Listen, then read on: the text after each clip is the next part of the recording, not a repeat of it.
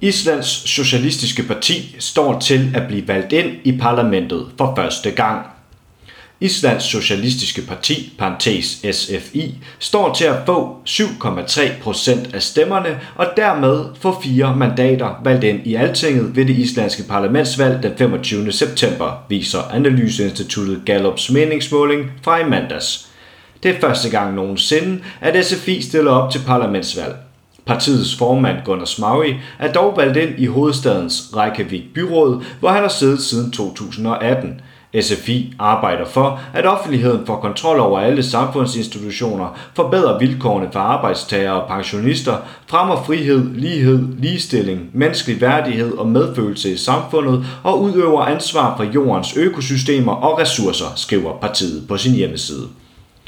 SFI blev grundlagt på Arbejdernes Internationale Kampdag den 1. maj 2017.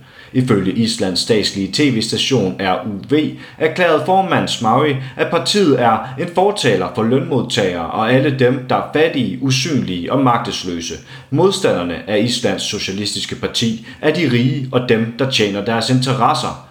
På dets hjemmeside skriver partiet desuden, at Islands Socialistiske Partis terræn er en bred klassekamp, der fornægter kompromiser og falsk dialog. Partiet mener, at den islandske befolkning skal overtage magten af offentlige institutioner, arbejdspladser, foreninger, skoler, kommuner, landsbyer og nabolag, for at folket kan varetage sine interesser.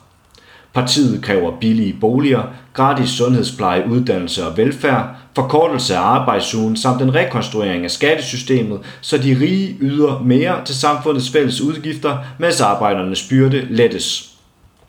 På klimaspørgsmålet understreger SFI, at en kapitalistisk markedsøkonomi, der tilskynder maksimal produktion og maksimal fortjeneste, er økosystemets største fjende og den største årsag til de klimaforandringer, vi står overfor.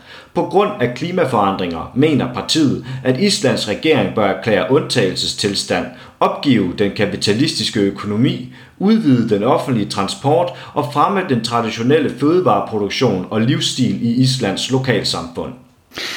Du har lyttet til en artikel fra Arbejderen. Abonner på vores podcast på iTunes, eller hvor du ellers hører din podcast.